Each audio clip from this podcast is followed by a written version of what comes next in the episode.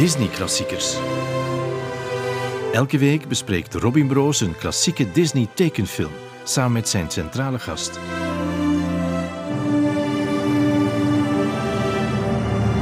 Welkom in de 66e aflevering van Disney Klassiekers. Ik had eigenlijk beloofd om terug te komen met Pixar. Ik ga dat ook doen.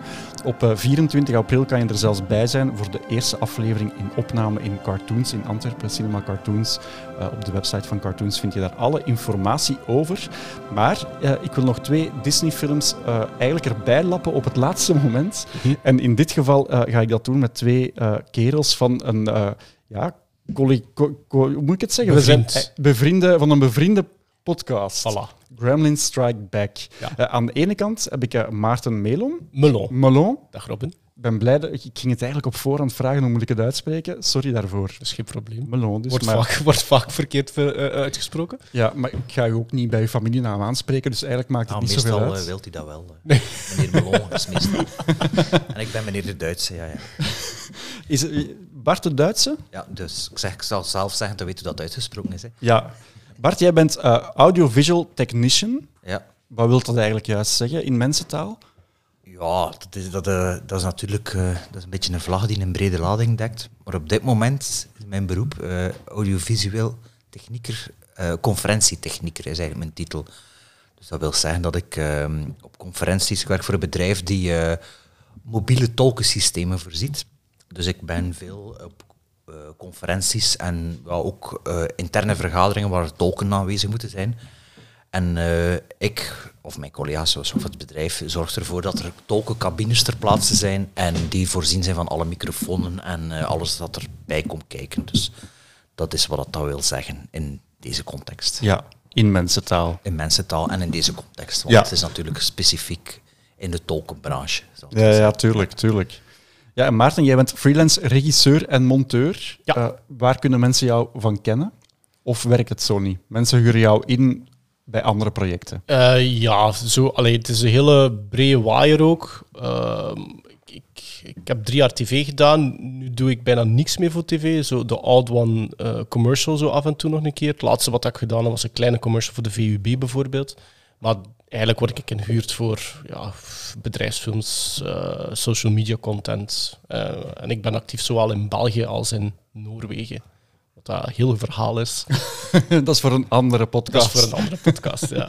In principe gaan jullie, zo schrijven jullie het zelf, hè, elke twee weken digitaal op café om te praten over alles wat met film te maken heeft, want jullie zijn nerds. Zo, zo, ik zeg het niet, hè. zo staat het. Bart Ja. heeft dat zo ooit... eh, Dat heb ik eh, hoeveel jaar geleden? Ja, voor, Zes, de, voor, de eerste, zes. voor de eerste aflevering gewoon even eh, op twee minuten in mijn gat getrokken en dat is, dat blijven staan. Nee, maar we- het, is wel- het, het is wel wat dat is eigenlijk. Hè. het eh, eh, Dat was nee, eigenlijk wel de... De pitch was zo, hè. Ja, dat was het. Als we met, met ons drie begonnen te, te, te brainstormen, want het was Bart zijn idee voor met de podcast te beginnen, omdat Bart ook degene was van ons drie die effectief al luisterde, zoveel jaar geleden naar podcasts. Ehm, en we hadden zoiets van, het moet een beetje los eh, overkomen. Wij, willen niet, wij zijn niet eh, degene die gaan zeggen van, eh, dit is een film en zo moet hem bekijken en dit is wat, wat, het, wat het is. Ja. Maar het moet een beetje los zijn. Het is zo precies van drie vrienden die samenkomen en we hebben allemaal een film gezien en we zijn erover aan het babbelen. En dat is een beetje het idee. Ja, dat is een van de basisprincipes, de basisprincipes van de podcast. Er waren er niet veel. Twee, de twee, twee belangrijkste voor mij waren altijd... Het moet kwalitatief beluisterbaar zijn en het moet regelmatig verschijnen. Ja. En dat is iets dat we eigenlijk altijd al in het oog in het vaandel gedragen hebben. Allee, kwalitatief genoeg voor een podcast. Hè. Ik weet ook wel dat er allemaal veel beter kan. Maar we zijn effectief begonnen met... Ik ben begonnen mijn eerste micro van de eerste 100 afleveringen, of de eerste 80 afleveringen, was van, ehm, eh, van SingStar, of nee, Rockstar. Van, van Ja. PlayStation 3, dat was USB. Dus dat heeft me niks van geld gekost. Maar dat was wel acceptabel, omdat ik zeker toen heel veel podcasts hoorde beginnen die abonne, abon, abon, Minabel. Nabel waren van, eh, van klank. En een ander ding was ook van, ja, we willen onszelf niet beperken, like dat jij wel gedaan hebt met Disney. Door, we willen over alles, over, de hele, over alles van films kunnen Ja. praten. Bij ons in een aflevering kan het over Stone Cold gaan. En twee minuten later... Over Schindler's List. Over Schindler's List bijvoorbeeld. Ja. En ja, want we zijn al drie van de mening, een goede film is een goede film. En of dat dan nu arthouse shit is, of dat dan nu pulp van de bovenste plank is, ja. Het is het genot dat je ervan Ja. krijgt. En Ik kon dat moeilijk doen, want jullie deden het al. Nu, jullie spraken er al over. Er is een, een derde persoon in jullie podcast, dat is Sven de Ridder. Ja, dat is een BV eigenlijk. Hè? Ehm, zou het kunnen dat Sven, ehm, los van de achterban die jullie eh, samen hebben opgebouwd met die podcast, dat hij ook nog een achterban heeft die eigenlijk geen idee hebben wat dat jullie doen? Absoluut. Ja, zeker. Kijk, Er zijn zelfs mensen die op onze sociale media ons volgen die absoluut geen idee hebben wat dat we Nee. doen. Maar we zien dat wel aan de comments. Ah, dat zijn er die via Sven komen. En ja, die, die komen, ja, dat, is, dat, is een, dat is een like dat er meer hebt of zo. Maar die weten volgens mij niet wat een podcast is. Maar ja, Dat is een, een fotoken die dan gepost wordt als comment of een gifken. En, en die, die, die hebben geen idee wat, dat, die, wat dat die aan het doen zijn. Voor mij maakt Maar- dat ook allemaal niet uit. Wat, wat, betekent dat ook natuurlijk? Maar er, ja, 100% zeker is er. Ik bedoel, Sven is populairder dan onze podcast. Dus dat wil dan ook zeggen dat er heel veel mensen zijn die er niet van bewust zijn. Of niet weten wat het is, maar er wel zich bewust van zijn. Ja, misschien zijn er zelfs mensen die denken dat jullie gewoon al zes jaar om de twee weken praten over de gremlins. Dat denk ik. Dus ik, ik ben ervan zeker, overtuigd. ja. Ja. Wat valt er nog over te vertellen na zes jaar? Denk we zitten nu, denk ik, dat we er nooit minuut- over gebabbeld hebben. Nee, nee, ik ging juist zeggen, we zitten nu aan minuut 85 van de eerste film. Dus iedere, iedere, iedere aflevering een Ah, ja, minuut ja, of ja, zoiets. ja. eh, Zo wat gaat is dat dat weer? Mo- Movie by minute of zo? Movie- Die- ja, ja, dat ja, er nog bestaan ja. van die podcast? Dat was zo even eh, de hot item, hè? Zo'n minuut per... per, Ja. eh, ja, dat is lang geleden dat ik dat nog een Maar dat is effectief zo. Ik denk dat ze- er zijn heel veel mensen die bij ons belanden door Sven die geen idee hebben van wat dat wij doen. Als zal bij ons belanden, maar eh, oh, iedereen dat luistert is, eh, is een luisteraar meer. Hè. Tuurlijk. Deze podcast heet Disney Klassiekers. Waren jullie of zijn jullie Disney-fans? Ik denk dat ze als je filmliefhebber bent en van een bepaalde leeftijd, allee, ja, tegenwoordig eigenlijk als je 80 jaar bent ook al, kun je eigenlijk niet om Disney heen en zijn altijd wel een beetje opgegroeid met Disney. Allee, ik kan me niet voorstellen dat je zegt, ja, ik ben een filmliefhebber, maar ik heb altijd een hekel gehad aan Disney. Er, er klopt iets niet in die beredenering. Allee, ik weet niet, je zit aan aflevering 66 zijde. Ik weet niet of dat al veel gasten hadden die al gezegd hebben, ik heb pas op latere leeftijd Disney ontdekt. ik, ik denk dat dat... Er zijn wel gasten die zeggen, ik heb echt niks met Disney. Ja. En die nodig ik dan ook niet uit, want Ja. dat heeft weinig zin. Ja, ja, ja, dat heeft weinig zin. Dat is maar het ook, zou ja. natuurlijk wel interessant kunnen zijn. Maar ja, ik denk als filmliefhebber, we zitten altijd wel van van Disney. Allee, er is natuurlijk een periode in uw leven, van, van uw 11, 12 jaar tot uw 20, 22, dat dat absoluut niets voor u... Allee, maar dat is nu ook alweer veranderd waarschijnlijk. Maar de- toen dat wij opgroeiden, was dat totaal niet aan... Allee, of toch aan mij niet besteed op die bepaalde periode. Zo heb ik ook The Lion King nooit gezien tot ja, ergens de laatste tien jaar, toen, toen ik zelf kinderen heb, voor dat dan toch te zien. Maar ja, ik kan niet zeggen dat dat iets is dat slecht is. Hè. Als filmliefhebber toch niet. Het kan, het kan minder interessant zijn soms, maar ja, het is natuurlijk ook meer dan... Ah ja, Disney is, is niet één specifiek genre film, het is, het is meer, dan, meer dan. Ja. Maarten, weet jij nog de eerste Disney-film eh, die je in de bioscoop gezien hebt? Oh nee, in de bioscoop niet. Ik weet dat Sleeping Beauty was de eerste film die ik thuis heb gezien. ge- Gehuurd uit de videotheek door mijn ouders. In de bioscoop, ik weet eigenlijk niet wat dat de eerste Disney-film is. Nee, dat zou ik niet meer kunnen zeggen. Nee. Maar Bart wel. Ik weet de eerste, mijn eerste bioscoopervaring, dat was uh, Sneeuwwitje en de Zeven Dwergen. Ehm, ik denk dat ik drie jaar was, ik weet het nog. Ehm, Dat is wel stevig. Ja, maar, ja, ik, heb een goed geheugen. Eh, ik ging met mijn tante naar eh Sneeuwwitje en de Zeven Dwergen in de, de cinema in Knokke, de Lippenslaan, in de zomervakantie. En we staan in de lobby. En er is daar niemand en er komt een vrouw van de trap. En die zegt, ah, het is te mooi weer, we spelen vanmiddag geen film. Dus ik heb Sneeuwwitje, denk ik, zonder liegen, de laatste vier jaar voor de eerste keer gezien in Wauw. mijn leven. Dus mijn eerste cinema-ervaring was Disney-related. En de eerste Disney-film dat ik in de cinema gezien heb, dat is misschien de eerste film dat ik ooit in een bioscoop gezien heb. Mijn vroegste eh, filmervaring waren, zijn Peter Pan en E.T. En ik weet niet meer welke van de twee er eerst was, maar ik denk dat het dan vijf jaar, vijf of zes jaar was. Ik denk vijf jaar, misschien zelfs. Dus mijn eerste Disney-film in de bioscoop was Peter Pan.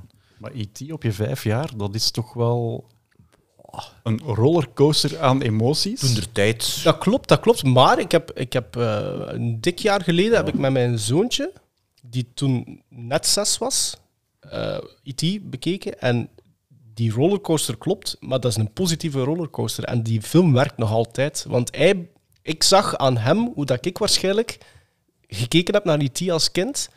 En dat is de hand van de meester natuurlijk. Maar je voelt hoe, dat, hoe dat die snaren betok, allee, ge- gespeeld worden in die film, in de montage, door de muziek, door de regie, dat is iets dat, dat blijft werken. En dat was voor mij een ontdekking, want ik denk dat het 20 jaar of 25 jaar geleden was dat ik IT nog een keer had gezien. En om dat dan samen met je zoontje te bekijken, dat is magisch, zou ik wel durven zeggen. Maar je voelt dat, dat werkt nog altijd. En Ik denk dat dat, wel... de, de eh, emotionele rollercoaster misschien ook als je iets ouder bent, dat is misschien als je zo negen jaar zit of tien jaar, dat je iets beter beseft dan dat, toen dat ik was. Maar mijn kinderen hebben ook iets gezien, omdat ze maximum vier jaar waren. Dus misschien was mijn zoon zelfs twee of drie jaar. Dus ja, ik ben er ook een speciaal in natuurlijk, maar eh, ja, nee, ja, het is IT. Hè. CCT, absoluut. Eh, we gaan het vandaag over een, een Disney-film hebben, een live-action Disney-film, die volgens mij, ehm, correct me if I'm wrong, eigenlijk wel in de slipstream komt van die typische jaren 80 avonturenfilms. De film heet The Rocketeer ehm, en ja, speelt zich ook af zo in het tijdsegment dat bijvoorbeeld Indiana Jones zich afspeelde. Eh, volgens mij is het wel heel erg daarop geënt. Maar de film is ook wel, laten we wel wezen, op het moment zelf, toen die uitkwam, compleet geflopt. Misschien omdat die net te laat kwam. Ja, ik snap, als ik de film herbekijk, eh, ja, het is, een marketing issue of een verkeerde film, een verkeerde moment geweest. Want ik weet nog toen dat die film, dat, ik weet nog dat die film uitgekomen is, maar omdat ik toen de tijd vooral bezig was met de Nintendo. Dat is een Nintendo-spel geweest en heel veel van die vroege eh, jaren 90 films heb ik in eerste instantie leren kennen door zo eh, computergame magazines en, en, en ja, catalogus en zo van Nintendo. Dus de Rocketeer was toen al op mijn radar, maar ik heb hem toen ook niet gezien eigenlijk. Maar als je hem nu bekijkt, vind ik eh, vind dat de, de, beste Indiana Jones rip-off dat er is eigenlijk. De Mummy is ook een zeer goede film, maar dat is meer een directe rip-off. Terwijl dit is voor mij 80% Indiana Jones sfeer zonder echt een knock-off te zijn ervan. Er eigenlijk een eigen ding mee te doen. Natuurlijk dankzij de net voor de Tweede Wereldoorlog eh, gesitueerde verhaal natuurlijk. Maar ja, ik heb hem deze week nog eens bekijken, bekeken en het klopt. Ik, ik zie Indiana Jones als ik dat zie. En het is een beetje, ja, ik denk dat het een beetje een miskende film is eigenlijk. Ik, ik weet dat Bart wel fan was, want we hebben het er al een paar keer over gehad. Eh, en Bart had al een paar keer de Rocketeer laten vallen, ook in onze podcast of gewoon in ons WhatsApp-groepje. Ehm, ik heb de Rocketeer als kind heb ik wel een paar keer gezien. Ik weet dat ik die ook nog gehuurd heb in de videotheek. En dan werd die wel af en toe een keer op BRT en 1, eh, of VRT dan, eh, getoond. Zo de zaterdag of de zondagmiddag. Dus ik heb die gisteren herbekeken. Dus er waren nog bepaalde stukken dat ik me wel heel goed kon herinneren. Maar ik heb een klein beetje een andere ervaring of een ander gevoel bij de Rocketeer dan Bart. Ik, vind wel dat dat... Ik snap dat dat dan een beetje eh, onderges, ondergesneeuwd geraakt is. Dat dat misschien minder bekendheid heeft eh, dan het verdient, volgens sommigen.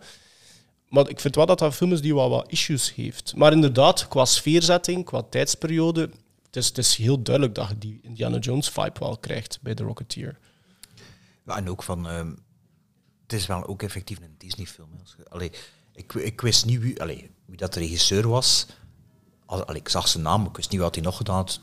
Zoals we allemaal IMDb verder klikken. En dan het eerste dat is, is Honey, I the Kids. En je, ja, natuurlijk, dat is, dat, allee, dat is net dezelfde sfeer. eh, dit- allee, de, de die sfeer er wel in die, die een Disney-hand. Allee, Disney Studios hand.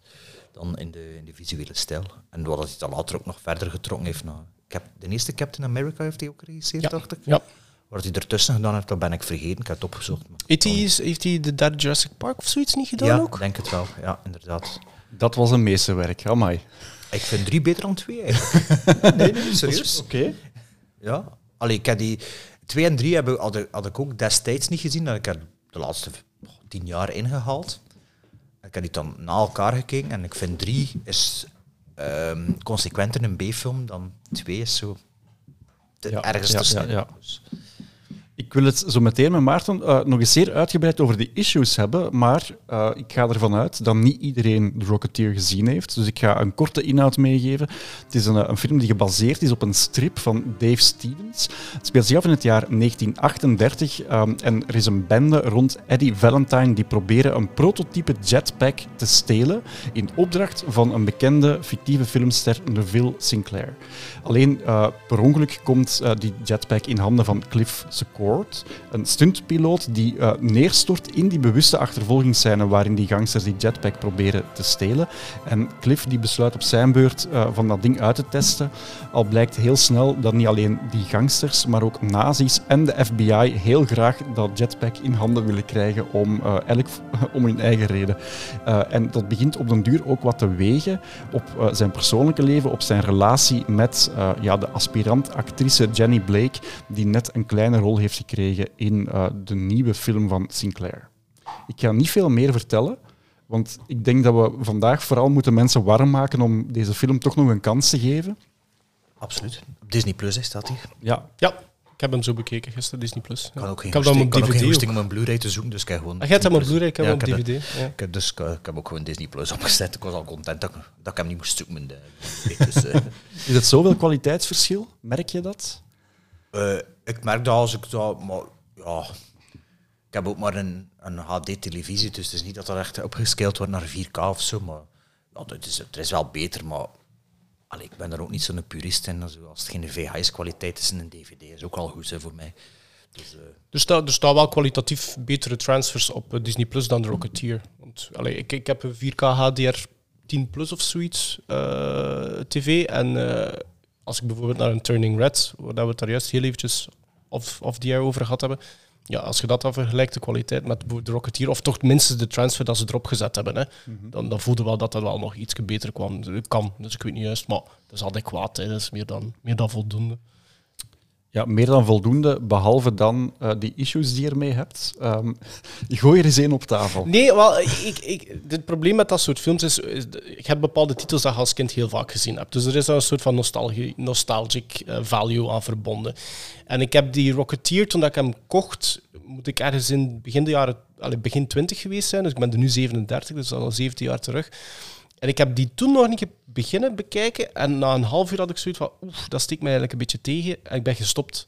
Dus eigenlijk gisteren was een goede test voor dan te, nog een keer volledig te bekijken. En ik vind dat dat... Uh, qua vibe en qua sfeer vind ik dat heel leuk. Voor dat eerste half uur, dat zit wel snor. Je hebt zo de, de redelijke klassieke uh, vertaalstijl van je introduceert je hoofdpersonage, je introduceert de bad guy, uh, er is een, een, een, een, iets dat verkeerd loopt, iets belandt in de handen van de verkeerde, die probeert er wat, zelf wat winst uh, uit te halen. En zo zit al heel snel een half uur, veertig minuten. En dan zet ik uh, de film op pauze en, ik dacht, en toen zag ik van, ah ja, ik was dat vergeten, die film duurt een uur vijftig. En ik dacht van, oké, we zitten eigenlijk nog niet eens aan de helft. En ik heb zoiets van, hmm, nu moet dat tempo wel dringend beginnen omhoog gaan. En dat is iets wat dat de Rocketeer voor mij niet voldoende doet, is dat na de introductie van alles vind ik voor dat soort film, voor een avonturenfilm, ja, vind ik dat dat eigenlijk moet zich blijven opbouwen. En, en je zit met genoeg personages ook in de Rocketeer, waarin dat, dat eigenlijk wel zo mogelijk had moeten zijn, om continu van de ene situatie in de andere te komen. En dat gaat een beetje, dat komt op de achtergrond te liggen, omdat er dan wat meer tijd wordt gegeven aan Jennifer Connelly, de, de love interest van, ons, uh, van onze lead. En de, de situatie tussen hen en dan wordt zij de damsel in distress, wat dan natuurlijk ook wel een classic move is. Maar ja, je zit eigenlijk met drie antagonisten. Hè. Of ja. Je zit met die FBI, je zit met, met die, met de maffia en je zit met, uh, met allez, uh, Neville Sinclair. Met de er Errol Flint-achtige personage die, die, Timothy Dalton. Ja, uh, Timothy Dalton. Um, en dat het inderdaad, misschien had het daar meer spanning ten opzichte met het hoofdpersonage kunnen. maar het grootste probleem met de film is, vind ik, de hoofdacteur. ja. Billy Campbell ja. was zijn naam, Bill Campbell gecredit, en maar op IMDb Billy Campbell. Ja. Dat is, uh, ja, ik las ook uh, online dat uh, dat niet de keuze was van de studios en dat de regisseur ervoor geijverd heeft. Ik weet niet wat hij in die man zag, want dat is toch misschien het grootste probleem van de film, denk ik. Ik, ik vind wel dat die hij steekt niet helemaal tegen. Ik vind wel dat hij kwaliteiten heeft, maar je voelt dat hij niet voldoende kwaliteiten heeft. Het is geen Brandon Fraser. Nee. Ja, maar mijn mening over de mummy is, is iets anders dan die van u, denk ik. Nee, maar Brandon Fraser, los van de mummy, is toch, is toch beter in die rol passen. Ik vind dat er heel veel elementen zijn in The Rocketeer die spot-on zijn uh, als je in gedachten houdt van dit was het soort film dat wij in ons hoofd hadden.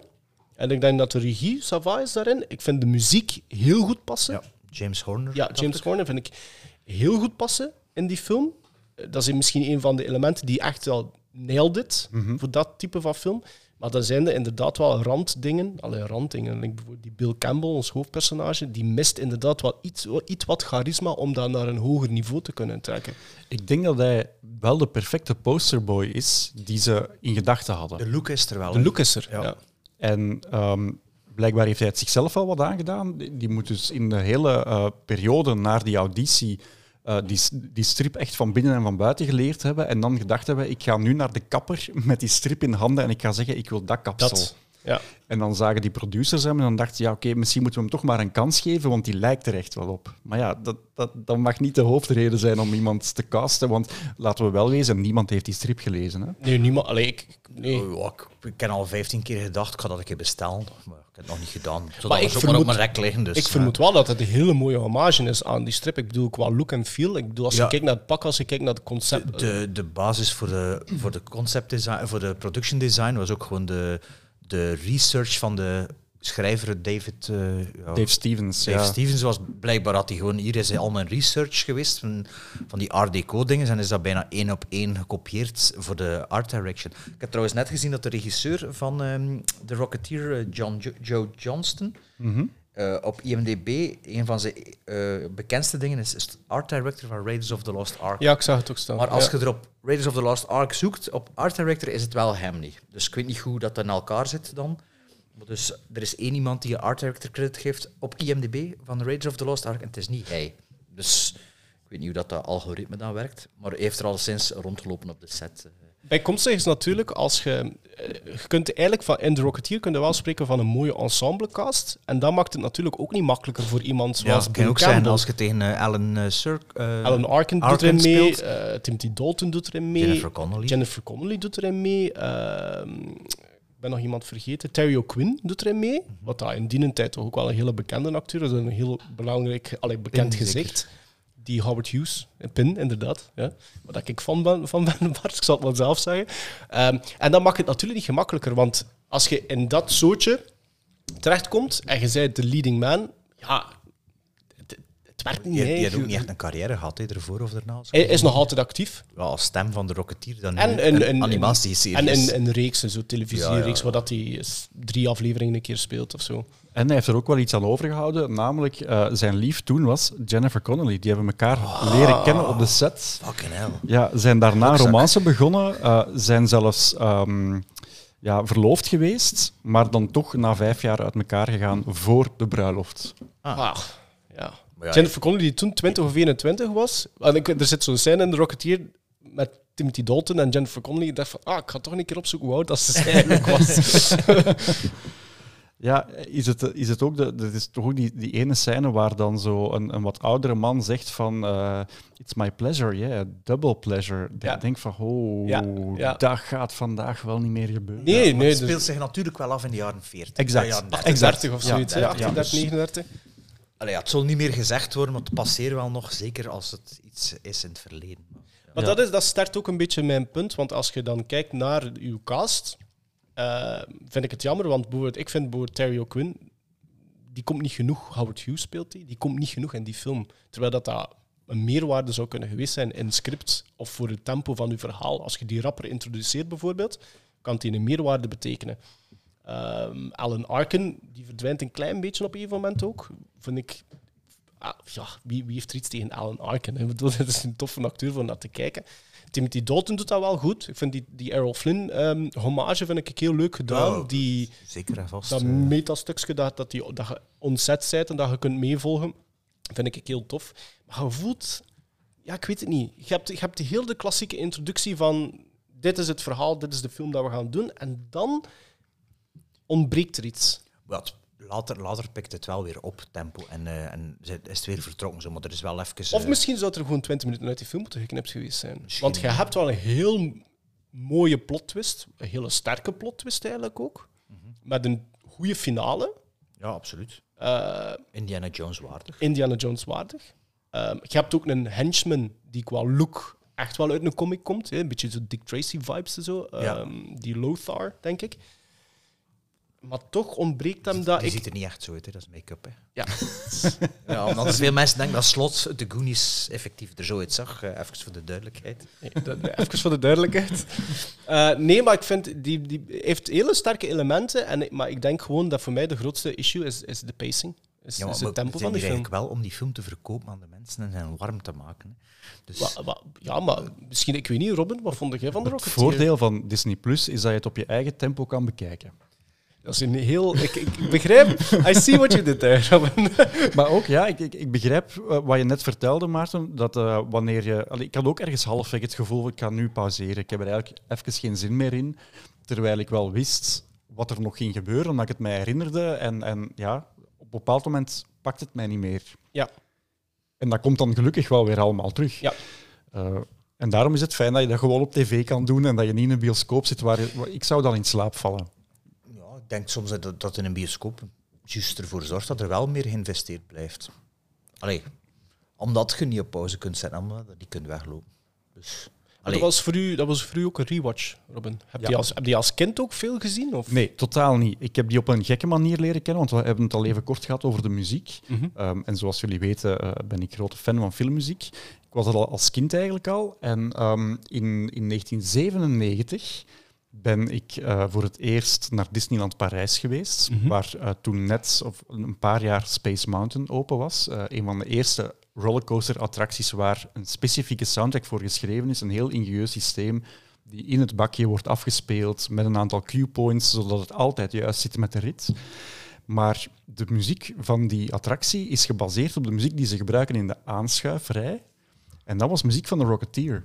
Oké. En ik vond die al fantastisch, want ja, ook in die tijd er bestond nog niks als fastpass en van die dingen. Dus ik heb daar veel te lang voor aangeschoven voor dat ene ritje. Dus ik heb die muziek ook veel te vaak gehoord. En ik wist toen, ik wil weten welke muziek dat was. En dat ging toen ook niet, want internet bestond Shazam niet. kon er niet Ja, voilà, Shazam bestond niet. Maar een, een, ja, een vijftal jaar later bestond er plots een website die heette Sounds of Magic. En die verzamelde heel slechte mp3's, maar wel mp3's van niet alleen soundtracks van attracties, maar ook van aanschuifrijen van Disneyland Alle. Parijs. En die hadden dus zonder Shazam uitgezocht dat het de muziek was van de Rocketeer. En dan ben ik die film meteen gaan zoeken. ja, ja, ja. En wat er, wat er ongelooflijk straf aan is, is dat de film ook gewoon opent meteen met dat thema. Ja, ja, de main team is wel... Is wel. Allee, dat gebeurt eigenlijk bijna nooit, dat je meteen gewoon met, de, met full monty het thema erin, erin valt. Ja. Het is ook een hele sterke openingsscène. Ik zei het, ik heb eigenlijk weinig probleem met dat eerste half uur, 40 minuten, omdat dat, er is niks wereldschokkends dat gebeurt, maar je voelt van ja, dit zijn de cues die moeten gebeuren om het dan alles en iedereen te introduceren. Ja, en dan... dan Maar dat, dat is misschien wel het verschil, maar jullie kennen die film... Allee, ik ken die film... We waren al met de podcast bezig, dat ik hem de eerste keer gezien heb. ah, oké. Dus... En toen had die film me enorm verrast. Maar ik denk dat ik hem toen ook in twee keer gezien heb. Ja, maar, Ja, voilà, nu komt het Ja. uit. Hè. Ik had dat op de trein gezien. Dus Ah, ja, ja. van en naar het werk. Dus ik had dat in twee sessies gezien in die film. Ja. Misschien dat dat er... Want Misschien helpt dat wel, ja. Toen, toen, toen had de film wel een sterke indruk eh, op me gemaakt. En ik denk zelfs dat hij in de top 10 van mijn eh, ontdekkingen van het jaar stond toen. En, zo. en eh, nu, met, nu met de herkijken vond ik wel iets minder, denk ik. Maar toch nog altijd eh, enorm genietbaar. Ja, ik zei het, er zijn superveel positieve punten aan de Rocketeer. De set design, de costume design. Ik vind, vind de wardrobe vind ik ook heel tof in de, in de Rocketeer. Vind de cinematografie is goed, de muziek is goed.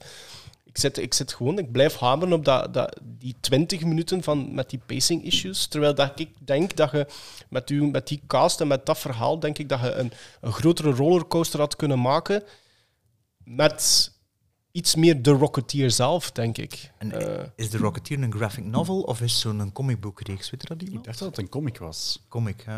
ik denk dat er ook in de credits based on the comic Ja, ik weet het niet. Ik weet dat er sinds één of twee van die omnibussen van bestaan. Mhm. Maar ik dacht altijd dat dat ehm, eh, strips waren van destijds. Want het is echt iets van... Want die eh, schrijver is pas geboren in 58 of zo. Ah, ja, ja. Dus die, dat, dat, is, iets- dat is iets waarschijnlijk van de jaren 80. En, ja.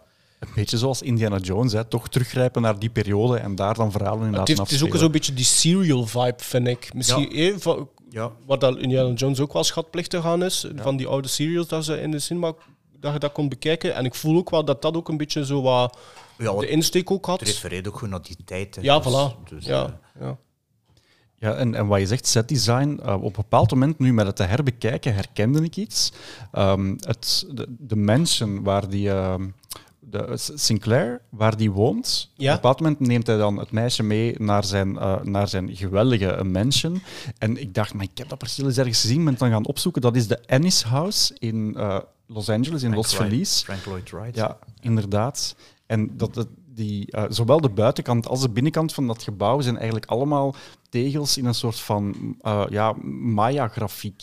Dat, wat dus eigenlijk, ja, eigenlijk ja, geïnspireerd is op, op alles van de Maya's. Wat Mhm. eigenlijk, dat, is een geweldig, geweldig mooi gebouw. Maar nooit gedacht dat dat eigenlijk in film gebruikt was. Ja, Laat staan heb het dat ook dat gezien zo'n en cruciale het was rol ook hè. zo van, ah, ah ja, oké. En als je dan even opzoekt, dan ja, ver- ver- vertel me verder, want je zit naartoe aan toe aan het Ah, ja, ja, ik, ik, ik hou ik- van LA. Ik, ben- ik ben ook zeer bewust ooit naar die plek gegaan om dat eens van de buitenkant te kunnen zien, dat huis. Ah, ja, ja, ja, en nu pas aan te beseffen van ik heb dit ooit in het echt gezien, dat is eigenlijk wel heel Dat is ook cool. het huis van Deckard en Blade Runner. Hè? Ja, ja, ja, ja, ja, ja, ja, dat ook. ja, ja, ja, absoluut, absoluut. Ehm, en ook al die kleine referenties naar, eh, naar Hollywood, naar LA, vind ik fijn. Zo de, die slotscène aan Griffith Observatory. Ja, ja, ja. Toch ook wel een cruciale plek in heel wat films. Ja. en, en Ja. dat ze daar dan toch hun eigen ding mee doen. En dan finaal, dat er... En eigenlijk is het niet echt een spoiler, dat er... Hollywoodland. Ja, Ja, dat er een ja, vliegtuigje ja. neerstort op de, de vier laatste letters van de Hollywood sign. Ja, en ik heb, eh, is dat, denk met op te zoeken voor dit nu gelezen ook, hoe hoe dat, dat juist in elkaar zit, Hollywoodland, hoe dat, dat, waarom dat die land weg... Ik wist dat eigenlijk niet, hoe dat, dat precies zat. Ik ben zelf nog nooit in L.A. geweest, dus misschien had ik het anders wel al geweten. Maar ik vond dat ook wel interessant om te... Je weet het misschien beter, Hollywoodland was een development, een, eh, een housing development eh, project zeker. Het was een project om... Ja, want- Onder de naam Hollywoodland. Klopt. Zo? Ja, en iedereen is dat Hollywood gaan noemen. En dan vooral ook is die naam gelinkt geweest aan, aan de filmindustrie. Maar ehm, ja, het is wat je zegt, dat was, dat was een vastgoedproject. Vooral omdat ja, de Hollywood Hills, zoals men dat dan Mhm. noemt, ja, heuvelachtig gebied is heel moeilijk om daar, om daar huizen te zetten. Je hebt daar heel veel panden die echt... Ja, moeten gestut worden door... Ah, ja? door ja, om, om, om- omdat, omdat eigenlijk je, je koopt een stuk land dat volledig 90 graden naar beneden gaat. Je kan Mhm. daar eigenlijk niks mee doen, tenzij je daar ingenieus mee aan de slag gaat. En dat was dat project. En, en de streek heette al Hollywood ervoor waarschijnlijk, of niet? Wel, dat weet ik eigenlijk Of niet. de bossen. De Hollywoods. Ja, Hey, is, de- is dat je buren, maar? Ja, dat de we- luisteraars misschien horen? Ja, ja de, de muziek eh, wordt aangezet hiernaast.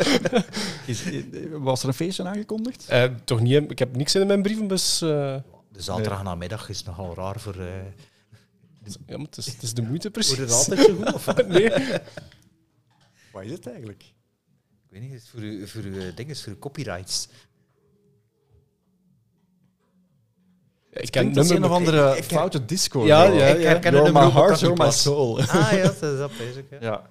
En eh, als je af en toe geknabbel hoort, dat is eh, niet Maarten, maar dat is de hond. Ja, Twee mijn- honden. Mijn, mijn twee honden zijn hier aan het knabbelen op... eh. Scheten aan het laten ook, riek ik. Ja, dus, ja oké Bart, dat is goed. Of zei hij dat? dat Nee, nee, nee, nee, nee, jongen, nee, jongen. Nee, nee, nee, nee. nee. Maar, zeg, maar ik wou nog even dan terugkomen op... ehm, inderdaad, ehm, wat dat er ook wel een, een, een, een leuk ehm, stuk is in die film, is dat bijvoorbeeld eh, de bad guy heeft een bad guy waardig einde. Ja. Eh, en dat is zoiets wat ik wel ook gevoelig aan ben. Ik vind als je dat zo dan opbouwt in je film en dat je er dan nog een keer een twist bij gooit, dan moet hij ook een waardig einde krijgen. En dat vind ik dan wel leuk dat dat wel effectief gebeurt. Dat is niet... Allee, want dat kan ook anders zijn en dat is dan nog een grotere sisser. Dus eh, ja, probeer maar eh, op nog positieve dingen, want het is de bedoeling van de Rocketeer aan te, allee, aan te bevelen. Hè. Maar, maar ik weet dat niet. Ro- Robin, heb jij al veel mensen over de Rocketeer horen babbelen? Totaal niet. Echt totaal niet. En dat is zo, ja. Maar ik kom het wel vaak tegen. Of, op onverwachte momenten tegen. Ook eh, eh, net voor de opname eh, vertelde ik jou dat ik een Tiki-fan ben. Ja. Voor wie niet zou weten wat Tiki is, dat was een, een jaren 50 popcultuur in Amerika, waarbij er ja, bars, cocktailbars werden ingericht door Hollywood setdressers, alsof het een exotisch eiland was.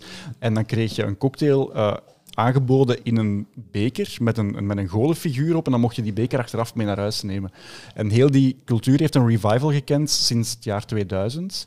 En nu bestaat er een keten die heet Geeky Tiki en die maken tiki mugs. En Mondo, Mondo van de platen, die Ja. brengen ook heel veel tiki mugs uit. En onlangs hebben die eentje van de Rocketeer gemaakt. Kijk. er echt zo heel die Art Deco-stijl, want het gaat dan niet alleen over de, de gebouwen, de decors, maar eigenlijk ook heel dat pak van de Rocketeer. Ja. Dat ziet er heel ja, Art Deco, heel, heel cool uit. Mhm.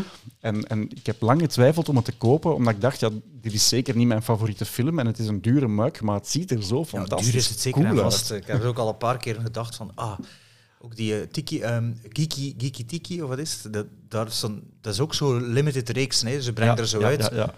Dan denk ik soms, ah, ik wil dat. En dan zie ik de prijs en dan denk ik, ja, ik heb geen glazen om uit te drinken. Ja, voor, voor 30 euro voor zo'n tas te betalen, plus nog een keer import. Importvies, eh, zo. ja. Ja. Eh, Ja, ik verzamel ze, dus ik, dus ik drink er zelfs niet eens uit. ja. Ja, ze zijn wel mooi, hè. dat is wel waar. Dus puur voor display. Ja, ik vertelde het omdat er dus recent ook van de Gremlins zijn gemaakt. Ah ja, ja, ik heb die gezien, ja. Ja. inderdaad. Maar dat was meer dan één, hè. dat was een, een reeks ook. Ja, ja, Eh, klopt. ja. klopt. Maar ben, als je, want, want Robin, jij zet een grotere kenner natuurlijk, maar als je naar de Disney-catalogus kijkt dan bijvoorbeeld, waar plaatst, kun jij zo wat titels zeggen die evenwaardig zijn voor u? Qua kwaliteit, qua filmbeleving? Het doet mij op een compleet andere manier denken aan eh, wat er met Tron gebeurd is. Wat ook zoiets was van ja, we maken, we maken een coole film, we willen tegemoetkomen aan wat jonge mensen nu graag zien. En, en Tron is dan begin jaren ja. tachtig. hè. Ze moesten plots opboksen als, als ehm, family entertainment studio tegen Star Wars, tegen Indiana Jones. Dus laten we ook eens iets proberen. En dat mislukt dan falikant. Ja. En dat is eigenlijk, dit is exact hetzelfde verhaal. Maar dan aan het einde van die cyclus. Ja. Ze hebben het daarna ook niet meer, of toch niet meteen meer geprobeerd. En, en wanneer was de, de Disney live action? Dus ja, die zaten zo aan het slop. Dus die hadden eerst eh, een Herbies en een eh, eh, Kurt Russell films. Toen ging het waarschijnlijk nog goed met de Disney live actions. Dan de Condorman en valt alles in een put. Net zoals in de, bij de animatie met de Black Cauldron en zo. Cauldron. Wanneer is dan Disney uit? Is er re- renaissance gekomen? Is dat de Pirates films of ervoor al? Bij de live actions. Ja. Ehm, ik denk met de Pirates, want net daarvoor hebben ze nog geprobeerd met de Haunted Mansion iets te doen. Eddie Murphy. Met Ja, Eddie ja, ja, Murphy. En dat is ook compleet geflopt. Ja. Ja. En ik denk zelfs niet dat ik er... Jawel, jawel. eh midden jaren 90 zijn er nog die eh, 101 Dalmatiërs geweest. Ah, ja. Maar dat was eigenlijk ook de voorbode van al die remakes nu. We moeten die tekenfilms ehm, op een nieuwe manier terug in leven brengen, want franchise-gewijs is het interessant. van- Omdat- ja, Ja. omdat kinderen natuurlijk liever kijken naar iets wat er hedendaags uitziet, eerder dan een tekenfilm die er een beetje gedateerd uitziet. Enfin, dat is hun logica. Ik Dat is daar hun niet- logica, ja. ja, inderdaad. Ja, dat is de mijne niet. Maar dus de, de, de Pirates films, en sindsdien zijn ze altijd on top geweest? Of is, er- is, er nog, is er nog een terugval geweest in de populariteit van... Dat, dat, dat kan niet meer, hè. Disney die niet meer populair is. Nee, maar ze hebben intussen ook zoveel opgekocht. Opgekocht. Ja, ja. Dat wanneer wij aan Disney denken, dat we denken aan topfilms, terwijl er waarschijnlijk ook wel af en toe eens stinkers zullen tussen zitten. Mhm. Ehm, ik zeg maar iets als Jungle Cruise vorig jaar, dat Ja. was nu toch ook niet het verhoopte succes. Eh, ik had dat voordeel van de twijfel gegeven, dat ik toch wel links en rechts oppikte dat dat wel meeviel, maar ik vond het toch verschrikkelijk toen ik het uiteindelijk gezien Ah, dat is waar. Ja, ik, ik herinner me nog een gesprek tussen u en Sven, want Sven heeft die onlangs Sven gezien. vond- Sven ja, vond dat Sven redelijk vond dat goed. redelijk goed. Ik, eh, maar ik kan dat nog mensen horen zeggen. Ik dacht, ja, zoals in het begin gemeld, open blik, we zien wel. Maar dat was toch eh, brutal. Maar dat is, ook- dat is ook een ride, een, een pretpark eh, Ja, ja attractie, klopt. zeker. Ja, zelfs een opening day attractie. Dus op, ja, ik denk dat we er de komende jaren nog veel van dat soort dingen gaan zien, omdat het voor hen een manier is om heel oude attracties plots terug populair te maken. Ik ga binnenkort naar Disney World, waar ook een, eh, een, een Jungle Cruise eh, nagebouwd is van het origineel dan uit Anaheim. En ik heb dus nu de app al geïnstalleerd, waardoor ik zo eh, nu al kan zien op dit moment wat zijn, wat zijn de aanschuifrijen. En Jungle Cruise al zo 75 minuten Serieus, aanschuiven. ja. Terwijl, toen, ik herinner mij de laatste keer dat ik daar was, of ja, ben, ben al eens in Walt Disney World geweest, dat dat misschien 10 minuutjes was of zo. Want dat is gewoon een verouderde, saaie attractie. Ja. En nu geeft dat plots... En ja. kleden ze dat dan opnieuw aan? Of, eh, of blijft Een dat... beetje. ja. Ja, ze- ehm, maar dat is vooral de, eh, ja, historische fouten of, of culturele fouten hebben Ah, ze ja, eruit ja, gehaald. als het eh, niet meer Ja. politiek correct is. Ja, absoluut. Bedenkelijk. Maar die Haunted Mansion, de, de- was dat nu de Muppets niet die, die nu weer iets met de Haunted Mansion hadden gedaan? Rond Toch? Halloween is er op Disney Plus een, Een Muppets eh, special gekomen, Special, inderdaad, ja. die Ja? zich volledig afspeelt in de Haunted Mansion. Ja. En wat was in die opening day eh, rides, dat had je gezegd? First Dus- day rides? Ja, dus in 1955, als het park openging, Ah, ja, de attracties die er toen al waren, ja, dat zijn eigenlijk bijna per definitie de, de, de, de verouderde attracties, omdat die gewoon al zo Ja, lang meegaan en, de- en die waren ook technologisch niet zo revolutionair. Maar dat je dan nu beslist om daar nieuw leven in te blazen door daar bijvoorbeeld een filmfranchise aan vast te hangen, dat is... ehm, Ja, en ook, dat wil dan ook zeggen dat ze bij Disney denken, het is goedkoper om een film te produceren en dan te reanimeren dan deze grond hier opnieuw ja, te ja, gebruiken om er iets mee te doen. Wat dat ik echt wel een hele rare denkwijze is. Maar ja, ik ben natuurlijk geen uh, ik denk dat er twee, van Disney. Ja, ik denk dat daar twee dingen voor te zeggen zijn. Jungle Cruise is in oppervlakte een heel grote attractie, want dat Mhm. is echt een, een bootjestocht. Wat dus in, ja, in oppervlakte, je hebt, je hebt als bezoeker niet echt door, omdat je dat niet ziet. Je ervaart het alleen als je het, als je het aan het varen bent. Maar dus ja, inderdaad, om, om dat nu te gaan platgooien of daar iets anders mee te doen, dat lijkt mij vrij moeilijk. En aan de andere kant, er is ook een heel grote, eh, ja, bijna lobby van diehard fans die vinden je mag aan niks komen wat Disney zelf ooit gebouwd heeft, die het dus nu schandalig vinden dat er daar dingen zijn rechtgezet in die attractie, die het schandalig vinden zo op die dat manier, Johnny ja, ja. Depp wordt toegevoegd in Pirates of the Caribbean, want ja, zo was die attractie niet bedoeld. En, en die ga je altijd tegen jou krijgen. Mhm. En dan denk ik dat ze beter... Ja, choose your battle, of pick your battles. Hè. Ja, Ehm, is dat. Song of the South eh Exact. staat ook niet meer. Hè. Allee, Ja, ja, voilà. En er is, wel, er is wel een attractie in de VS gebaseerd op Song of the South. Zo Een, een ja, toch wel bijzonder racistische film uit de Ja. jaren 40. ehm, waar men nu ook eh, ja, enfin, vorig jaar of zo van aangekondigd heeft. Eh, binnenkort gaan we dat volledig sluiten. En wanneer het terug open gaat, gaat het thema zijn Princess and the Frog. Ja. Wat, Ja. wat dubbel win is, want dat is een populaire film. Dat is de eerste zwarte prinses. Ehm, het speelt zich af in, de, in dezelfde regio, want dat, in het park is dat zo in een soort van New Orleans-stijl. Mhm. Dus dat, ergens klopt het nog. En je maakt een franchise groter waar je merchandise van kan verkopen.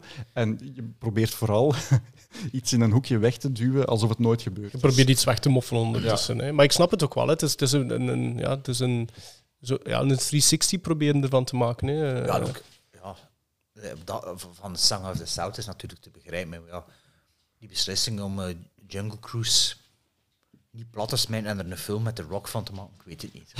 Maar ja, Ja, ik denk ook wel, als je dan merkt dat zoiets als Pirates geweldig groot geworden, dat was ook maar gewoon een bootjesattractie. En Ja, ja, plots is dat een Mhm. begrip. ik denk niet dat ik zelfs wist dat het een ride ik, was. ik, ik moet eerlijk zijn, ik wist film. ook niet dat dat, dat, dat eigenlijk de, de, de insteek gewoon de ride was eigenlijk van Ja. Pirates hoor. Eind jaren 60 eh, is hij... Dus ik denk dat Disney hem niet meer meegemaakt heeft, omdat hij net gestorven was. Ja. En aanvankelijk ging dat ook een walkthrough zijn, maar dan hadden ze net dat bootjesysteem bedacht voor It's a Small World, wat eigenlijk een attractie was voor een wereldtentoonstelling in Ja. New York. Ah, ja. En, en Disney dacht, ik ga daar waarschijnlijk veel geld aan verliezen met dat nu te maken voor, het was Pepsi-Cola en UNICEF.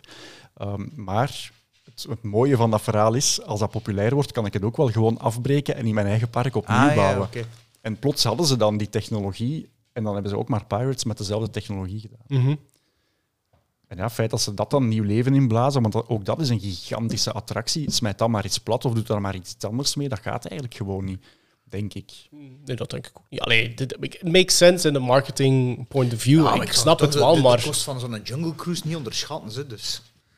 Allee, voor, de, bedoel, voor de film te maken. Ja, ja, ja. productiekosten en de rock en, en, en zo. Ja, ik denk, denk allee, moest ik daar aan de, de, de board zitten, zou ik toch zeggen, zo niet overwegen voor gewoon iets anders te doen. En, eh, ja, en die een oude ride te vervangen door iets nieuws en misschien van een film die we nog liggen. En, ja, ja, inderdaad, inderdaad.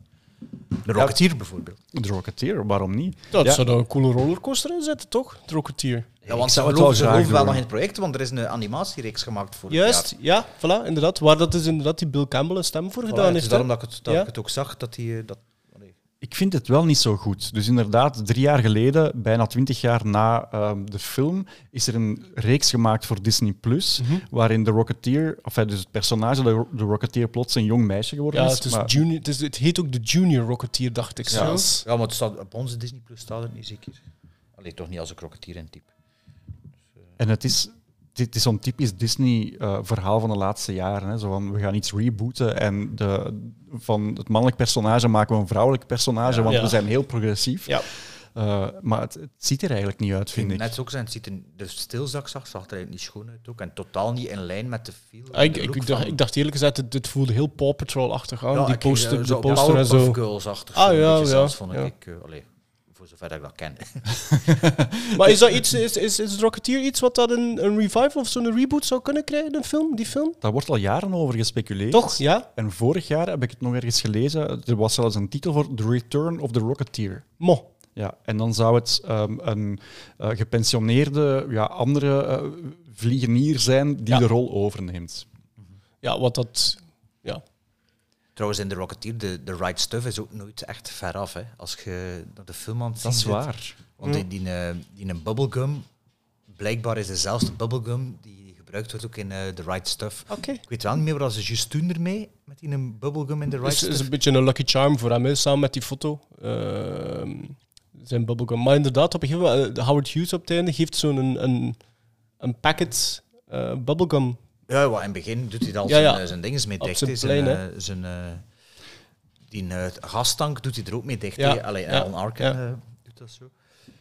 In, in The Right Stuff is het eh, blijkbaar wordt het altijd gevraagd, net voor een vlucht, alsof het een soort van ehm, geluksbrenger is. Van Ah. als ik dat aan boord heb, dan, dan zal mijn vlucht wel goed gaan. Ah ja, ah, wel, dat is een beetje hetzelfde. Dus ja, absoluut een knipoog daarnaar. Hè. ja, het zal wel. Ik vond ook wel die visual effects in de Rocketeer vond ik eigenlijk niet slecht. Ook nu nog, eh 2022. Ik vond, eh, er wordt daar redelijk clever met perspectief ook gespeeld. Want er zijn bepaalde... Allee, je ziet natuurlijk wel dat... eh, je Vliegt ziet niet het. echt met een jetpack. Je vliegt niet echt hè, in een jetpack. Nee, maar ik bedoel, maar op een gegeven moment zit er, komt, vliegt hij naar een, een, een vliegtuig toe, zo de eerste rescue mission, mission als de Rocketeer zijnde. En hij landt dan, hij vliegt straight naar, naar, naar de camera toe en hij landt dan zogezegd op, op de vleugel van dat vliegtuig. En dat is heel naadloos. Ik vond dat wel heel mooi gedaan. Zelfs nu nog vond ik die effecten De eigenlijk wel effecten redelijk houden goed. eigenlijk wel nog stand. eh, dus dat zal een beetje geluk geweest zijn dat die film in 90 gemaakt is en niet in 2000, want anders ging die film Ja, valikant, 91, eh, ja. valikant, eh, door de mand vallen. Dus eh, dat geluk hebben we toch, toch Mhm. gehad. Er zou zelfs een, een nieuw soort camera voor uitgevonden zijn. Dus je had uiteraard vroeger iets zoals de Steadicam, om ervoor te zorgen dat je trillingen dat je die niet mee had. Mhm. En voor dit hebben ze een soort van shaky cam ontwikkeld, zodat je Dat visueel zo wel kon Ja, weergeven. Ja. Ja, zo bijvoorbeeld ook in die Zeppelin-scène op het einde, dat je zo, alsof, als- alsof dat de kracht van, van, van dat toestel, van, van de machinerie daarachter, dat je dat in trilling in beeld ziet, zonder dat je er natuurlijk zeeziek van wordt, want dat kan ook wel lelijk mislopen. Ja, ik, eh, ik vind het beeldmatig echt wel een, een heel fijne film. Ja, het is, het is, een, het is, het is heel klassiek, hè, maar... Het is heel klassiek, ja. Ik vind, als dat werkt, dan werkt dan. Er is, eh, ik heb geen behoefte om zo'n handheld camera te zien of een, eh, een Lars von Trier cameravoering. Ja, dat is gewoon, het speelt zich ook af in die tijd van de klassieke beeldvoering, dus dan klopt het wel. En, en ja, ik vind hoe het eruit ziet, eh, zowel beeldmatig als art direction, ik heb er echt, echt niets op aan te merken. Ook de visual effects. Nee, voilà. Ik denk, ik denk dat eigenlijk de, de, sterkte, allee, de sterkte van de Rocketeer is dat er eigenlijk... Er is niks slecht aan. Ik, heb, ik, er kan, ik, ik kan niks pinpointen wat ik zeg van dat vond ik niet goed aan de Rocketeer. Ik zeg het, ik blijf hameren op die tempo, maar dat is niet echt iets waar dat je visueel iets op kunt aanmerken. Want zowel ik zeg, de wardrobe, de visual effects, de, de muziek, de, de, de cameravoering, dat zit allemaal goed de Rocketeer. Dus ik denk gewoon, moest dat wat meer condensed geweest zijn, dat script, moesten daar nog 20 minuten uitgepleurd geweest zijn, dan denk ik dat de Rocketeer voor mij een, een echte aanrader zou zijn, bijvoorbeeld. Ik heb ook op verschillende eh, platformen eh, gelezen dat er ja, eigenlijk tijdens het productieproces dan toch nog redelijk veel budgetcuts geweest zijn. Omdat, dus er zijn een heleboel scènes nooit gefilmd omdat het gewoon te duur ging worden. Ehm, er waren bijvoorbeeld ook heel veel problemen met die GB, zo dat het toestel dat we aan het begin zien, dat, dat, dat het vliegtuig eigenlijk... Ze Dat hadden- vliegtuig. ja, ze hadden er zo een laten maken, maar dat is zodanig fragiel dat ze dat dus maar een aantal keer konden gebruiken. Om, gewoon uit schrik van ja, als het hier uiteenvalt, dan hebben we geen film meer. dan hebben we een probleem. Ja. Ja, je zou dan toch kunnen denken, ehm, als je dan zo'n zo'n groots opgezette avonturenfilm wil maken, maak er dan budget voor vrij. ja, ik weet niet wat dat budget was. Misschien in Eh, ik- Ik, heb het 91. gelezen, de, want de, de box office was 48 miljoen en er stond erbij dat het een film van 35 of 38 miljoen was. Dus Ja, voor 91, voor een live Ja. action, was dat, is dat niet, was dat niet relatief oké qua denk- budget? Ik denk dat het wel een, een oké budget Ja. was, maar het feit dat hij maar zo weinig opgebracht heeft, werd dan toch aanzien als een flop. Ja. Want ik denk niet dat toen de tijd dat het budget maal 2 moest doen om een marketingbudget erbij te rekenen, maar ik denk dat toch ook 10 miljoen niet is wat dat ze voor ogen hadden. Ja, Eh, ja, ja. Allee, pakte 38 miljoen en 48 miljoen, 10 miljoen, dat dat de moeite niet was. Wat dus eigenlijk, wat dat jij zegt, Robin, is dat ze eigenlijk nog meer voor ogen hadden om te draaien en, te, en dat er echt volledige scènes gewoon geschrapt geweest Ja, zijn. en, dan. en, en ook allemaal heel spectaculair omschreven scènes. Zo. Waarschijnlijk uit de comic dan. Ja, ja, ja, Ja. ja, klopt. Ja. Wat dat ook wel leuk is, hè, want het is eigenlijk een soort van... ehm, omdat er, er, er wordt ook gewerkt met eh, eh, echte personages doorheen de film. En dat, dat, is- dat, dat geeft ook wel een leuke mix, vind ik, in The Rocketeer. Waar dat dan eigenlijk ook wel een klein beetje weer, denk ik, te weinig mee gedaan wordt. Dus misschien ging dat ook een klein beetje meer in de verf gezet worden. Ik bedoel Howard Hughes. hè. Bijvoorbeeld, ja. ja. Wat ook anders is dan eh, in, het, uh, in het stripverhaal, het personage Jenny Blake Mhm. ehm, was eigenlijk Betty Page. Voilà, ja, kijk. gebaseerd op Kijk. Betty Page. Ja. En dat was een pin-up girl in de jaren 50, maar die moet blijkbaar, eh, dan nadat dat stripalbum verschenen is, gezegd hebben: Ik vind het eigenlijk niet fijn dat ik daarin kom. Dus hebben ze ook dat personage helemaal moeten veranderen in de film om geen miserie te krijgen daarmee. Ja, ja wat, wat, dat- ik bedoel, het personage van Jennifer Connelly, hoewel dat, dat, dat hij dat goed doet, hè, ik vind dat een goede actrice. Maar dat bijvoorbeeld, dat personage alleen zou bijvoorbeeld veel sterker uit de verf komen bij een eventuele reboot of zoiets. Hè, als je daar een, re- een remake van doet van The Rocketeer in 2022. Ja, bijvoorbeeld, ja. Of, of een duo of zoiets. Hè. Er zou er sowieso meer mee gedaan worden dan gewoon de damsel in distress, wat dat het nu al een beetje is. Hè. Ik denk ook niet dat in de strip, als het eh, Betty Page gebaseerd is, dat het precies een damsel in distress was. Betty Page is nu voor mij in mijn hoofd toch niet... Een voor, ja, Ja, ja, die niet zo fragiel is dan, dan het personage van Jennifer Connelly. Mm. Het ook meer een seks, eh, alleen een, niet een pin-up girl, maar meer een... Van Fatal eh, achter. Ja, denk meer hier zoiets eh, moeten zijn. Maar het klopt dan net niet met de rest van het verhaal. Dus ik weet niet.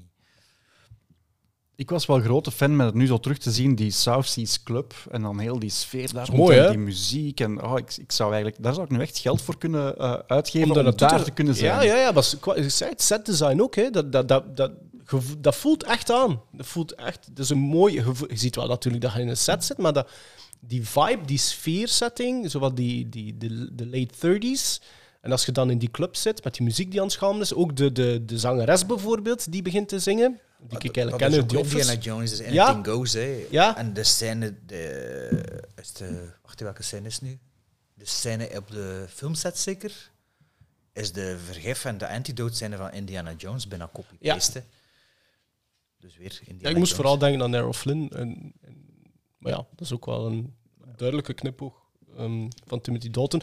Maar ja, ik vind inderdaad die South Sea Shell Club met die, met die grote oe- oesterschelp dan, die dan, waar dat er iets mee gebeurt. Ja, dat, het klopt allemaal.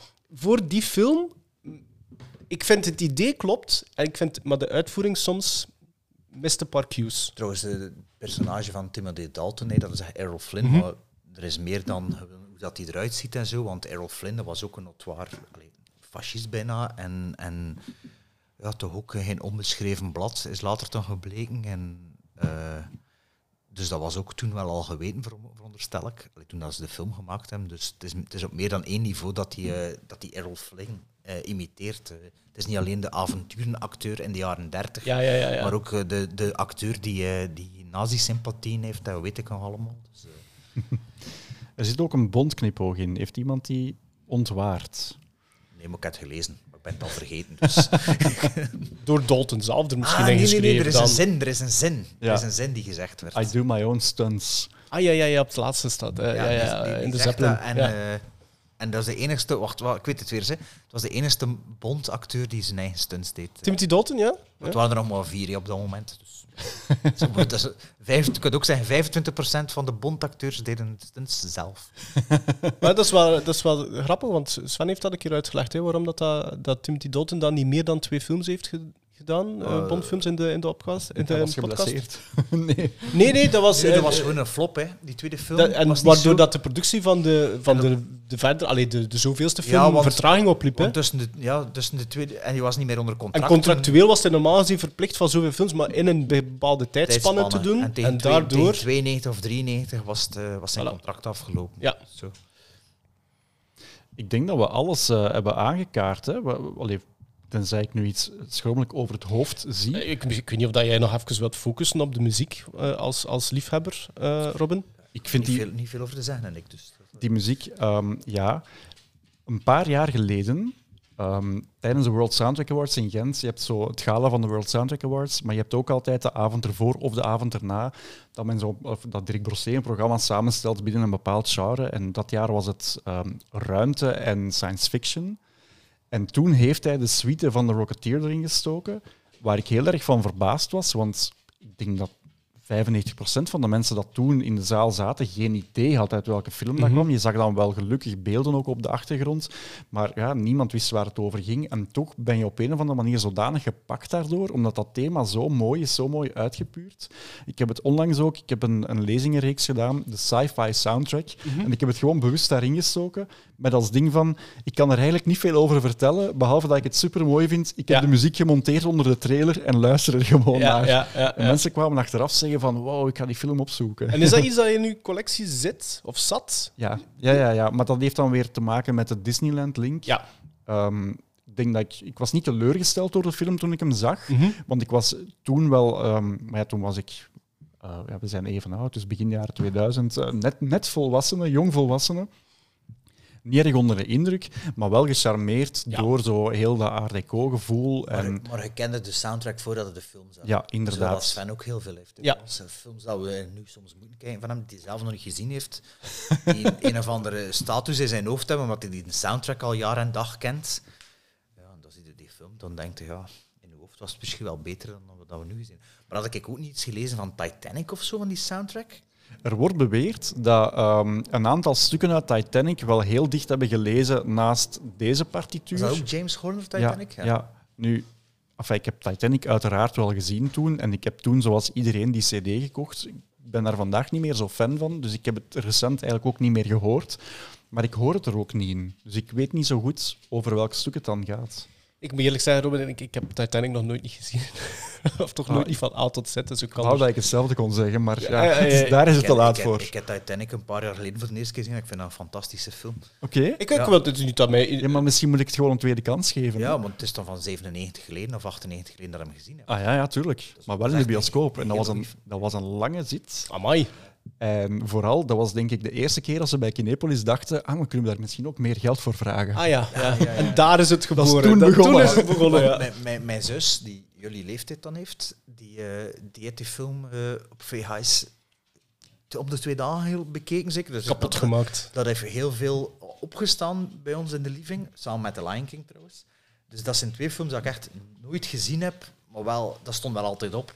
Tot een paar jaar geleden. Dan dacht ik van ja, eigenlijk moet ik Titanic gezien hebben. En ik was echt aangenaam door verrast. eh. En wat, wat is de kern Ja, voor jou van Titanic? op het einde. Ja? Die zingt op het einde. Ja. Wat de kern van Titanic, hoe bedoelde? ja wa- wa- wa- waarom zeg je nu dat je dat een goede film Omdat vindt? dat- Wat, wat heeft u je weet wat er gaat gebeuren. Ja, geen, er zijn geen spoilers, dat is waar. Nee, je weet wat er gaat gebeuren. En toch, ehm, halverwege... Hoop je dat dat niet gaat gebeuren? Ja, nee, halverwege begint, begint de boot te zinken, maar dan is de film, film nog maar op de helft. En je blijft geïnvesteerd en het is spannend. Dus als je iets dat je weet hoe dat afloopt, spannend kunt maken, Ja. Dat is waar. Dat is... dan je al een stap voor. En, en eigenlijk, ik dacht ook dat is een romantische film, maar na, na 40 minuten begint de miserie en is het een rampenfilm. En, ja, nee, Dat is waar, ja. En ik moet nu denken aan een grap uit het Leugenpaleis, waar ehm, Hugo Matthijssen ehm, kardinaal Daniel speelt en zegt dat het heeft een happy hand. Iedereen wordt gedoopt. Dat, dat heb je ook in Titanic, inderdaad. Ja. Dat is ook eh, ja, Ja, positief punt. Iedereen, ja, de overlevers zijn niet per se gedoopt eigenlijk. Hoe zit dat? Ja. Is dat dopen? Dat is water over je hoofd? Ja, uiteindelijk wel, hè. Of onderdompelen.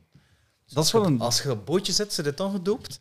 Nou, nee, eigenlijk niet. Ja, die verdienen het niet om gedoopt te zijn. Dat is waar. Als rondzakken. Godverdomme. Zeg, Ik ga volgende week proberen eh, Tron in te halen. Zowel de originele eh, cultklassieker Tron als de reboot Tron Legacy. Mhm. Is dat een film waar jullie een speciale band mee hebben? Ik heb die eh, nooit gezien als kind. Allee, de tweede zeker al niet. Ehm, maar ik heb er eigenlijk niks mee met die films. Ik vind dat redelijk saai.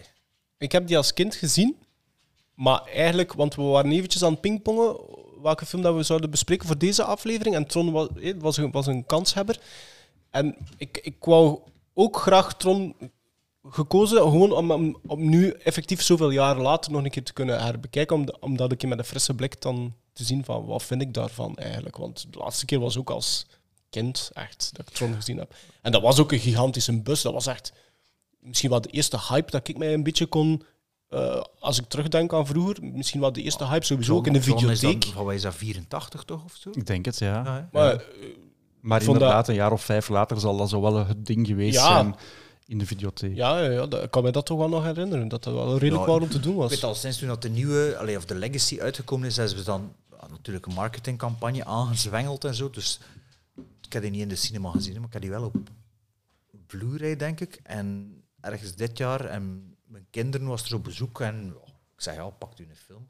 Ze hadden Tron opgezet en er was halverwege niemand meer geïnteresseerd van die Ik heb die, die dings niet, Legacy heb ik niet gezien. Is dat niet met die Liam... Jeff Bridges ook alleszins. Ja, ja. ja. Wie dat een ander is, weet ik niet. En Daft Punk natuurlijk. Daft Punk Ja, ja, ja, ja, ja, ja. Ehm, maar ik vind dat heel onpersoonlijke films eigenlijk. En dat is waarschijnlijk wat dat ervoor zorgt dat dat mij dat niet aanspreekt. Maar dat is ook Was dat niet al snel ook een beetje... Oké, dat was dat innovatief, cult, maar... is cult, maar voilà. is dat voor de rest iets meer? Tron? Nee, nee, nee, nee, nee, tuurlijk. Nee, Nee. Ja, pas op, ze zijn daar nu wel attracties van, van aan het bouwen. Ja. Waar je dan op zo'n eh, motor kan Cycle. gaan zitten. Ja, Zo'n Akira-achtige ding. Ja, ja. Dat kan wel tof zijn Ik heb natuurlijk. wel dat spel nog gespeeld, ook van Tron. PlayStation of op... eh, Ik weet dat niet meer, want dat was inderdaad op zo'n cycle en je moest dat tegen elkaar reizen en die, je had elke kleur en die mochten elkaar niet ja raken. die lijnen mogen kleuren. elkaar... Ja, voilà. ja, dat is ook de essentie natuurlijk van het fictieve spel in de film. Ja. Ja. Dus dat heb ik veel gespeeld. Nee, maar- eh, liever, liever de Rocketeer dan Tron eigenlijk. Ja, en als het, want we hebben het nu vandaag over Disney gehad, maar ik begin binnenkort opnieuw met Pixar. Hebben jullie iets met Pixar? Ehm, En Misschien iets meer omdat bij het. Ik was mij meer bewust van de geboorte van Pixar. Door gewoon de leeftijd. Omdat je al een klein beetje meer naar films Ja. kijkt. En dan Disney. Ik heb het daar, daar juist in het begin niet echt over gehad, maar bijvoorbeeld Robin Hood of zoiets. Dat was, als ik een, een Disney-film kies, dat ik als kind echt kapot Ja. gekeken heb, Robin, Robin Hood bijvoorbeeld. Peter Pan bij mij ook. Er was er nog een close second. Maar, maar dan plots was Pixar daar. Ik zat toen net in de leeftijdsgroep tussen de 12 en de 22. Ja, dat je dat Dus- niet meer cool mag dus- vinden. Ja, dat is, ik heb wel Toy Story 1 gezien op video's, hè, toen dat, dat uitgekomen was. Want we hebben dat met een hoop vrienden gehuurd, dat weet ik wel nog. En er vond dat niemand slecht. Maar ja, dat is ook zoiets, dat gebeurt dan. En dan zit je eigenlijk niet per se van bewust dat dat een ding is, totdat er vier, vijf Pixar-films zijn. Dan is dat, dat zijn Pixar-films. Dat zijn Pixar-films, ja. En, En- dat- en- en dat hebben en- wij wel bewust meegemaakt. Ja, like, like, eh, ehm, wacht even, Bugs Life is Pixar, hè? Ants is DreamWorks. Dus ja, Bugs Life, dat was zo... Toen der tijd was dat zo iets minder dan Toy Story, dus dat, dat, dat kabbelde zo aan voort. En het is pas begin, begin 2000 zeker dat dat echt iets werd, zo Pixar. Hè? ja, Nog- tuurlijk, Nog, zo. voor de overname door Disney natuurlijk, maar... ehm, ja, veel allee, s- slechte Pixars zijn er pas de laatste jaren beginnen komen, wat- mij betreft. Of minder. Slechte bestaan niet echt, denk ik. Cars 3 misschien, of 2. is het, maar- The Good Dinosaur heeft toch ook niet zo geweldig goede scores nee, dat is, allee, ja, voor mij was de eerste minder Brave, volgens mij. Als ik me niet goed herinner. Maar die Cars films zijn een beetje aan Brave is dat Pixar ook? Ja. Ja. Ah, Oké, ik dacht dat dat DreamWorks was. Nee. Ehm, maar ja, ze slagen er wel nog altijd in, af en toe, van er toch boek op te zetten. Ik weet het is nog- nu wel even geleden, wat mij betreft. Maar... Pixar, ik ben nog naar The Incredibles, toen dat die uitkwam, eh, ben ik gaan kijken in de cinema. En ik ging niet echt vaak naar live-action films gaan kijken in de bioscoop. Animatie. naar animatiefilms gaan kijken in Was de dat bioscoop. 2004? Dat is begin de jaren 2000, ja, Ja. dacht ik. En ik moet eerlijk zeggen, ik, had me dat, ik heb me daar fantastisch mee geamuseerd. Ik was echt luid op aan het lachen. En ik moet dan, ik denk dat ik iets van een 18, 19 was of zoiets. 2003. Ja, kijk. 2003, Ja, voilà. Dus 19 was Ja. ik toen. En bewust naar de cinema getrokken voor naar een Pixar-film. En ik, ik heb me daar supergoed mee ge- geamuseerd. Dus ik identificeer Pixar, zou ik nog rapper met The Incredibles dan bijvoorbeeld eh, linken, dan bijvoorbeeld met Toy Story, die ik later heb gezien. Ik heb Toy Story, heel die franchise, heb ik pas, denk zes jaar geleden of zoiets, echt eh, bewust bekeken. Eh, maar ik vind The Incredibles vind ik een geweldige Wat Pixar. dat is er nog voor de Incredibles? Incredibles, Toy Story en... en Ja, zoveel is Monsters er nog niet, hè? Monsters Inc. Ja, Monsters Inc. vind ik ook geweldig. Finding Nemo. Finding Nemo? Was dat voor de Incre- Ja, tuurlijk. Ja. Ja, dat was, dat was 99 volgens mij, want ik weet nog... 2003. Finding Nemo is 2003. Finding Nemo 2003? Ja, in 99 was het Toy Story 2. Ja. En twee dingen door elkaar aan het staan. Maar ik weet nog toen dat Finding Nemo in première ging op het Filmfestival van Gent. Daar stond, Ah. er, stond er aan de cinema zo allemaal van die vi- visachtige dingen en dan zo spots met, met, met blauw licht, als ik me goed herinner. Allee, première of een evenement. Maar ik ben naartoe gepasseerd. Het is, het is daarmee. En eh, Toy Story was 96 dan, de eerste. vijf? 95. 95, ja. Dat is grappig, want ehm, ik, onlangs heb ik, ehm, omdat we over Monsters Inc. Aan, allee, omdat we Monsters Inc. aanhalen, ik heb onlangs Little Monsters herbekeken. Ik heb daar ooit al een keer Met in onze... Savage. Met, Eh, met eh, Savage, ja. Ja, ja.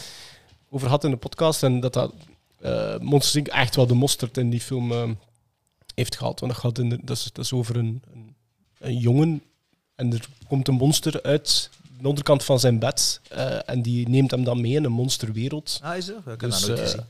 Ik heb die als kind ook vaak gehuurd in de, in de videotheek. En nu, als 37-jarige, bekijkt je dat dan opnieuw. En zo van, amai.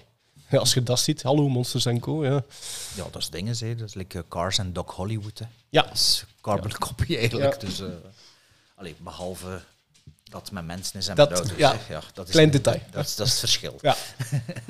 Zeg Maarten, eh, je hebt denk ik deze aflevering alleen al een, een keer of tien gezegd, dan huurde ik dat in de videotheek. Jullie hadden geen video's thuis? Een koopje, ik, ik, wij kochten, of ik kocht, ik vond dat ook pokkenveel. Dat, Kostte ik, dat kostte verschrikkelijk veel geld. Wij hadden. Ik denk dat dat 800 frank was voor een video. wij, voor wij, die hadden video. zelfs, wij hadden zelfs, alleen mijn ouders hadden zelfs ehm, gewoon vijf videobanden, genummerd 1 tot 5 en een boekje waar dat erop stond. Ja? Gewoon voor dat terug te wissen. Allee, dus dat was...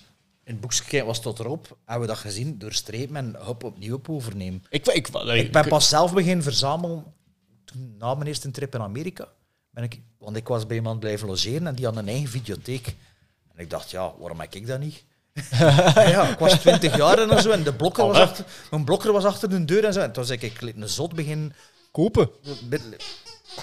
Dat is de hond, Dat, dat ben ja. ik niet, dat is de hond, ja. Dan ben ik, ik like een zot diezelfde zomer beginnen kopen. En tegen dat ik van Amerika terugkwam, had ik er al 30 gekocht. En diezelfde zomer ben ik nog naar Londen geweest. En, en tegen het eind van de zomer had ik 120 koopvideo's. Ja, maar dat was zo. Hè. Bedoel, de, de- de- eh, echt video's, alleen films kopen op VHS, dat was veel te duur. Had Zeker hij- in het had- begin. Jij er wel? Ja, Veel? ehm, eigenlijk wel. Of Disney-films? Ja, de Ja, Disney-films wel. dat, dat hadden we wel En- eigenlijk, denk ik. Mijn zus had dat wel. Beauty and the Beast had ik sowieso. En daar zullen er wel nog een paar geweest zijn. Hè. Maar, Dat maar waren waren echt schaars cassette- hoor. Paarse cassettes, hè, tegen Ja. de Ja. piracy, hè, was dat? Ja, ja, ja, inderdaad. Maar wat dat ik deed, van zodra dat, ik, ik denk dat ik tien of elf was op het moment dat, dat, dat er een VHS-recorder bij ons thuis kwam. En ja, ik, het eerste wat ik deed was, hoe programmeer ik dat spel in godsnaam? En dan had ik, ik denk, twintig of twintig video, belegen videobanden. En ik- alles wat ik kon opnemen van op tv, dat deed ik gewoon.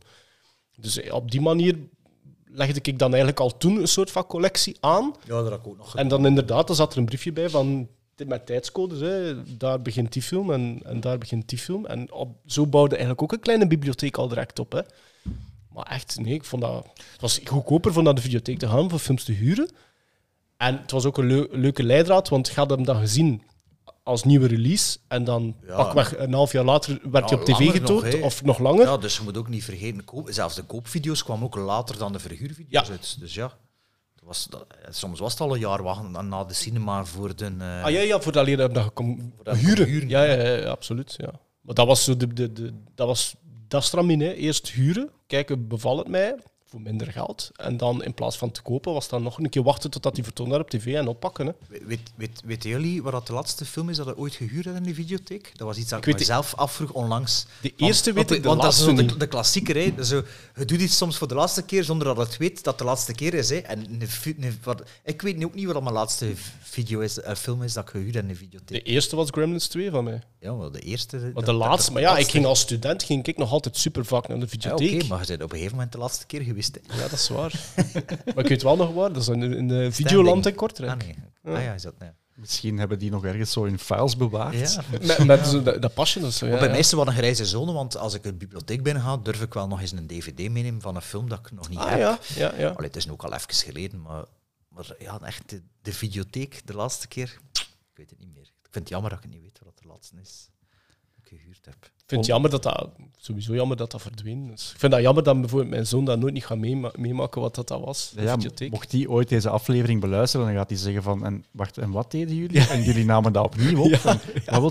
Dus voor de jongste luisteraars, eh, dat is zoals een digibox die op een bepaald moment vol staat en dan Ja. moet je beginnen wissen. Ja, Ja, dat is een goede, goede vergelijking, maar het komt er minder op dan op een digibox natuurlijk. Ja, en dat deed pijn. Dat deed pijn, hoor. Ja. Eh, heren, grote, grote dank om hier eh, tijd voor te maken. Jij bedankt voor de uitnodiging. En ik hoop dat, ja, eh, wanneer, wanneer ik opnieuw begin met Pixar, dat jullie misschien eh, dingen herontdekken. Ja, Dat lijkt me een, dat lijkt me een evidentie. Ja. ja. Is er veel te herontdekken aan Pixar al? Ja, dat denk ik. Brave misschien? Brave? Ik denk, ik denk ik, ik, persoonlijk, ik weet dat ik niet alles van Pixar gezien heb. Dus ik, ik denk wel dat er daar aanraders tussen Ik heb zitten volgens nog. mij alles van Pixar gezien. Ja?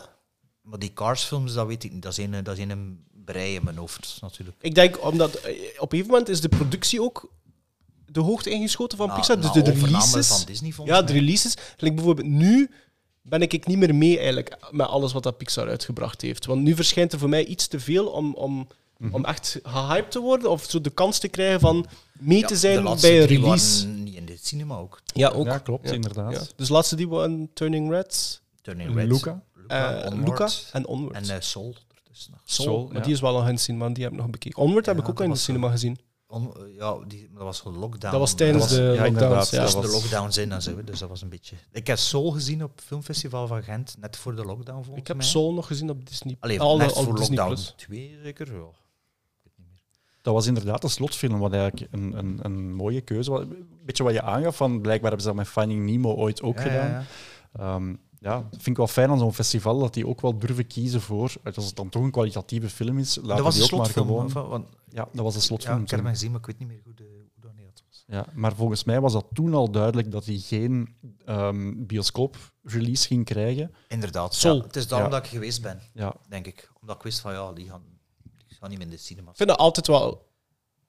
Ik vind dat, eh, eh, ik vind dat een leuke en correcte statement ook. Om dat bijvoorbeeld als een filmfestival dan te doen van... Wij vinden dat dat wel op een groot scherm zou moeten gezien worden. Ik vind dat wel altijd een mooi statement ook. Je kunt, je kunt eigenlijk een film niet meer krediet geven dan te zeggen van... Wij vinden dat dat op een groot scherm moet getoond worden. En niet alleen maar via streaming. Dus dat is wel knap, hè? dat is waar. En het, maar het siert dan ook wel de studio dat ze uiteindelijk wel toestemming geven om het te doen. En Ook. En een DCP laten maken. Ja, ja, ja inderdaad. Ja. Alright, we Een zijn... digitale filmprojectie. Dus. Ja, voor de leken en digitaal. Ja. Eh, we zijn een klein beetje uitgeweken, maar dat mag. Ehm, ik ben zelf de baas, dus ik beslis of het kan of niet. Oké. de luisteraars moeten maar afzetten als te veel afgeweken wordt. Het is maar absoluut waar. Ja, merci. Ja, dank u wel. Graag gedaan.